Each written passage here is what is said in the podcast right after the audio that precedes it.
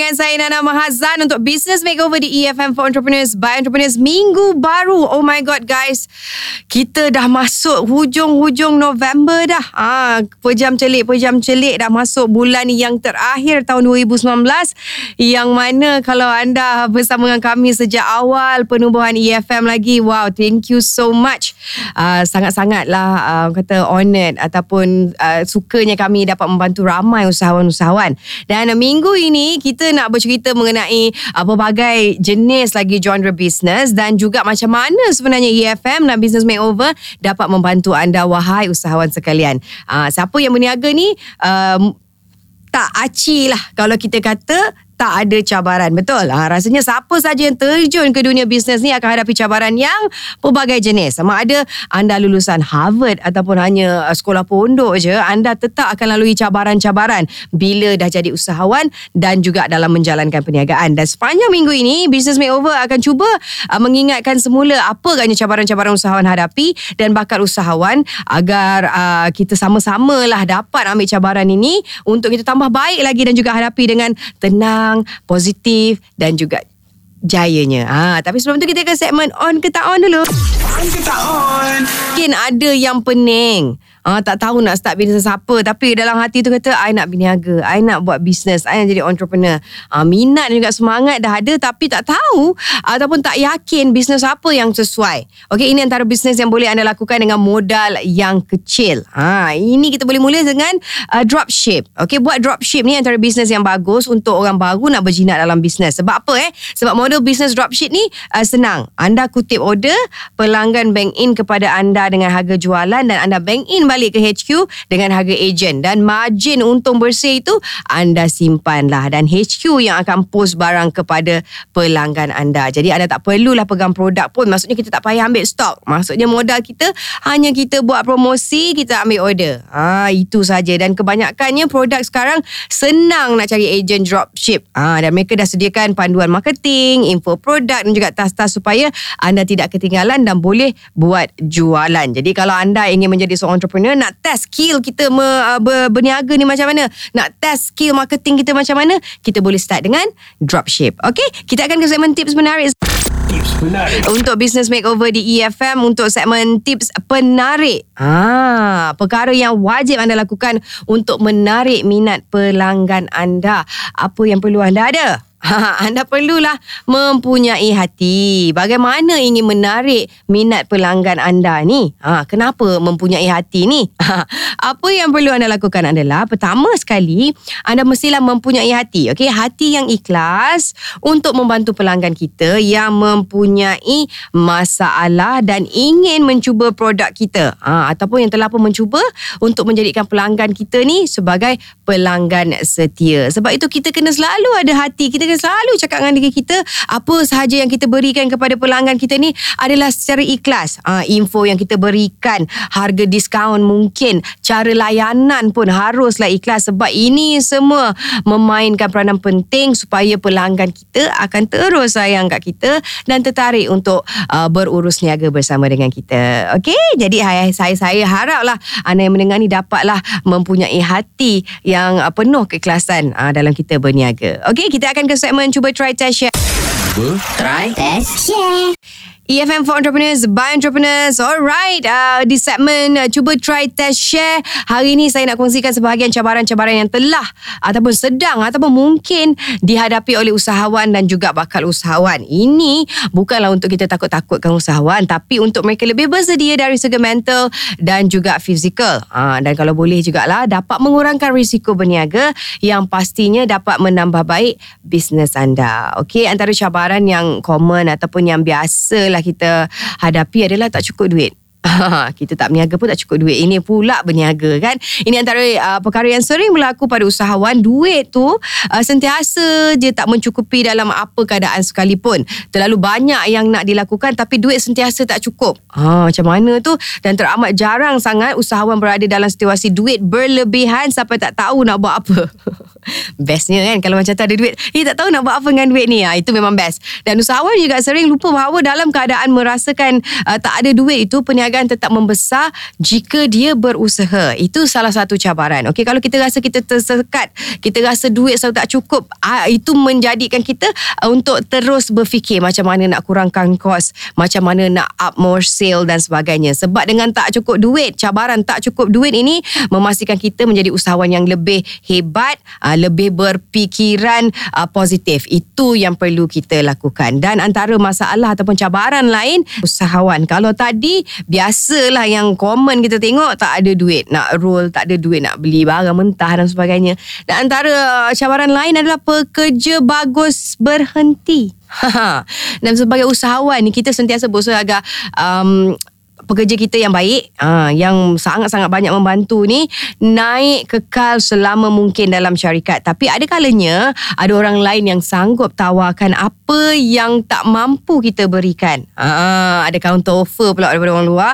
Dan kadang-kadang tu terpaksa dah kita terima dengan rasa yang terkilan. Lepaskan saja pekerja terbaik kita tu dan doakan agar mereka berjaya kita pula janganlah uh, ugut mengugut kata sebab akulah engkau berjaya. Ah jangan cakap macam tu sebab rezekinya mungkin bukan bersama kita bersama dengan orang lain yang paling baik untuk kita lakukan adalah doa yang terbaik dan kita boleh ambil pekerja yang lain kita rekrut kita ajar semula untuk menjadikan mereka terbaik. Ha sama-sama kita besarkan syarikat kita bersama dengan pekerja-pekerja kita.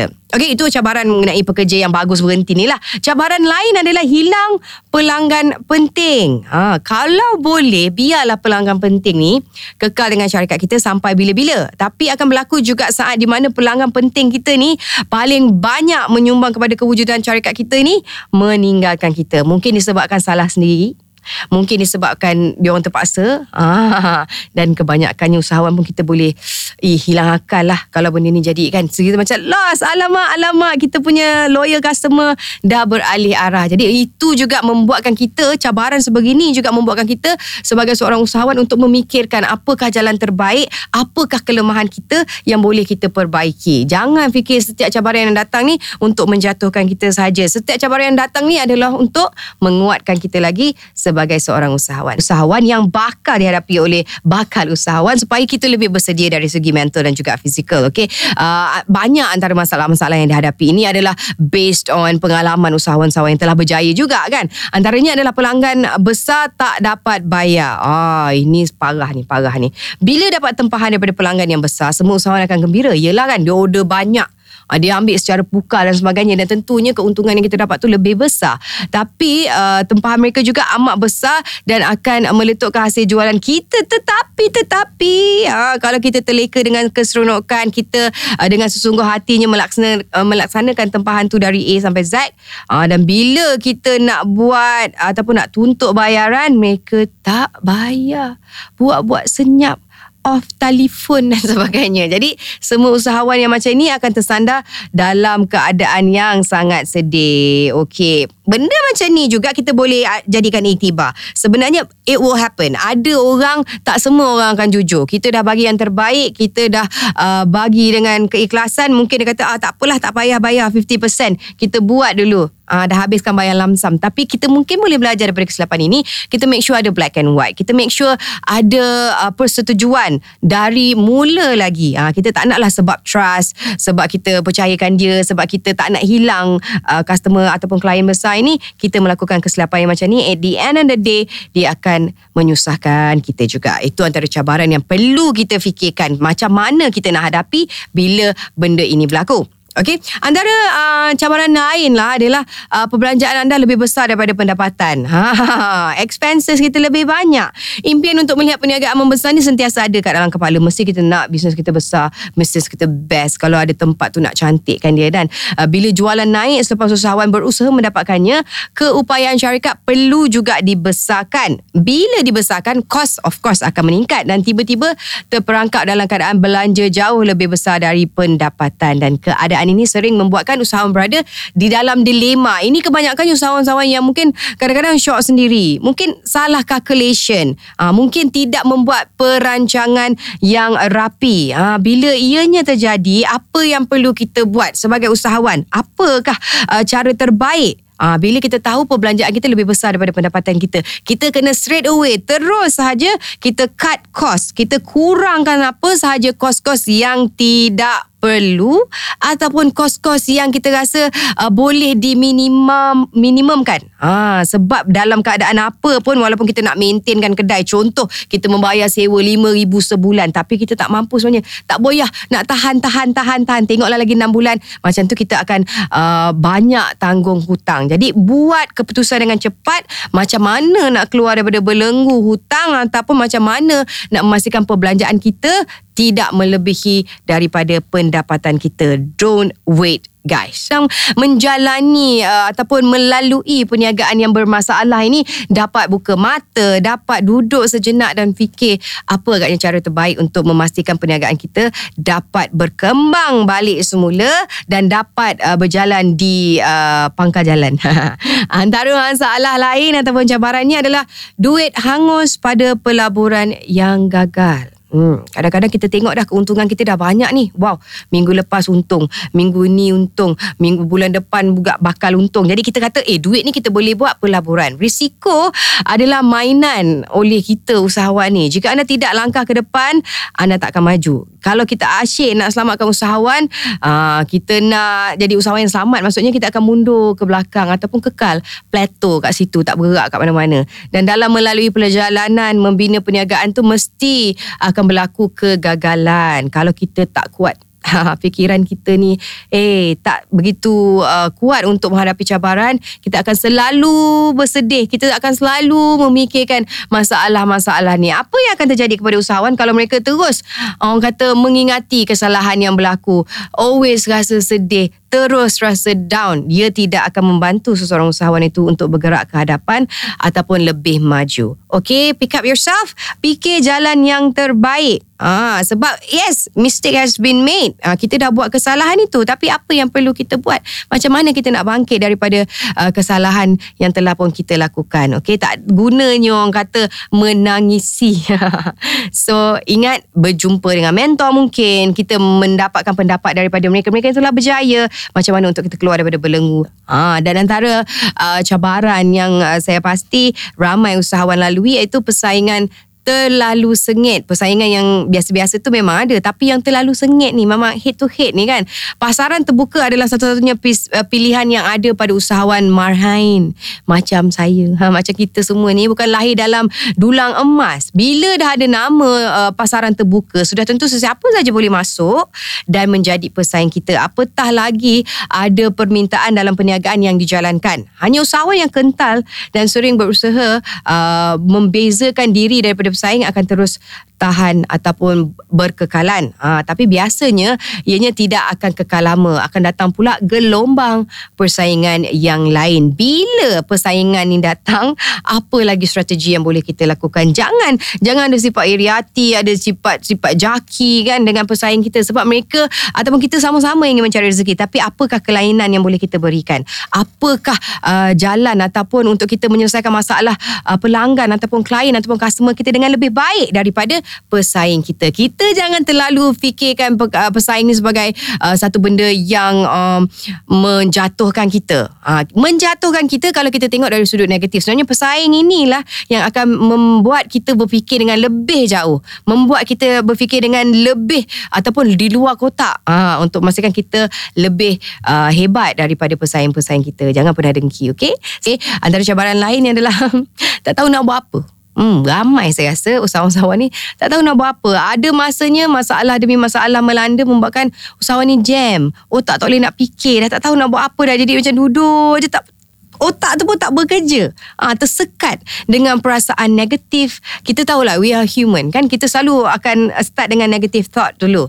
Ah kalau kita tak pandai sembunyikan daripada mungkin staff kita, pekerja kita mereka boleh hilang kepercayaan pada syarikat. Ah bila dia hilang kepercayaan, dia will uh, larilah pergi kat tempat lain kan. Mesti kena pandai sorokkan keadaan seperti itu uh, dan perlu uh, kita ni segera pulihkan. Ah kita tak tahu nak buat apa kita kembali balik kepada misi dan visi syarikat. Kita fikir balik apa fokus purpose kita. Kenapa kita melakukan perniagaan ini? Apakah big why uh, untuk perniagaan kita ini? Ha, bila kita hilang fokus, biasanya kita tak tahu nak buat apa. So bila kita sampai dalam satu tahap kita tak nak buat apa, kita fikir balik. Kita kaji balik. Kita tanya balik diri kita, kenapa aku buat uh, perniagaan ini from the first place? And then you get back your focus and then you know what to do. Okay Dan antara cabaran lain adalah hilang sabar Hilang sabar ni Memang kadang-kadang sabar tu ada limit dia kan? Ni memang sifat manusia lah kan? Sabar ketika susah mungkin ramai orang boleh lulus. Tetapi sabar ketika mewah dan senang Terlalu ramai yang tewas. Ha, Tak sabar Hari ni untung seratus ribu Besok dah beli kereta baru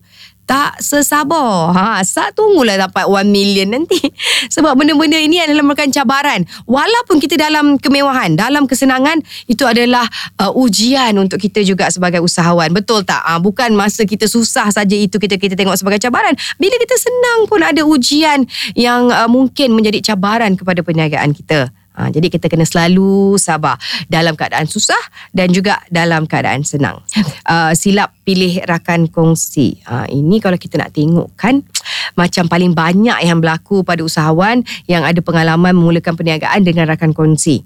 Ha, malah rakan kongsi ni juga yang masuk uh, segerak jalan pun uh, pada hakikatnya bukan pengasas pun akan dakwa. Uh, ataupun rasa dia adalah uh, pengasas syarikat tersebut. Uh, sebab dia dah keluar duit mungkin. Dan ramai usahawan yang berakhir uh, dengan memulakan segalanya semua secara solo akibat uh, pengalaman pahit pilih rakan kongsi. Okey, ada saya tak nafikan ada rakan kongsi yang baik tetapi banyak juga rakan kongsi yang tidak bersefahaman uh, uh, dan ini bercanggah dalam mungkin misi dan visi mereka dalam mengembangkan uh, perniagaan dan juga syarikat. Jadi kalau boleh kita akhiri dengan uh, good terms. Uh, kalau boleh uh, kita kembali jernihkan suasana, tak nak ada bermusuh sebab uh, mana tahu in the future kita akan bekerja sama lagi dengan rakan kongsi kita. Uh, dan uh, antara cabaran yang mungkin saya pasti ada juga usahawan hadapi adalah terlalu yakin berlebihan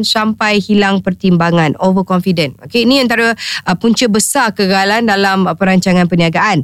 Tidak mengambil kira uh, kemungkinan paling buruk yang boleh berlaku mengakibatkan kita terlalu yakin berlebihan. Overconfident ni kadang-kadang bagus. Tapi kalau terlalu-lalu sangat, aduh kita dah tak nak fikir dah benda negatif positif je. Oh boleh, ni boleh. Ah, kita go, kita langgar.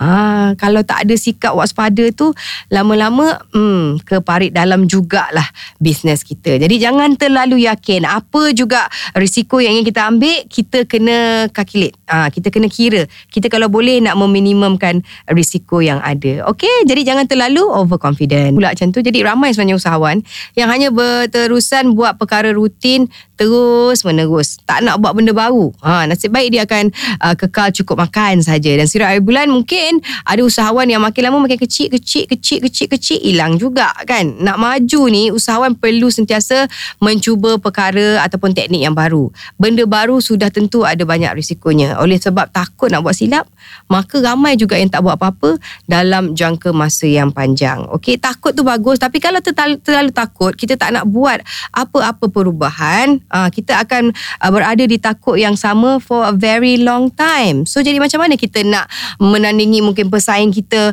dari segi uh, trend terkini dan sebagainya kalau kita terlalu selesa dengan keadaan kita just because kita takut untuk mencuba benda yang baru dan kita tidak akan ke mana-mana. Dan besok saya akan sambung lagi beberapa cabaran yang perlu usahawan hadapi untuk lebih bersedia agar bisnes yang dijalankan lebih baik dan juga berjalan.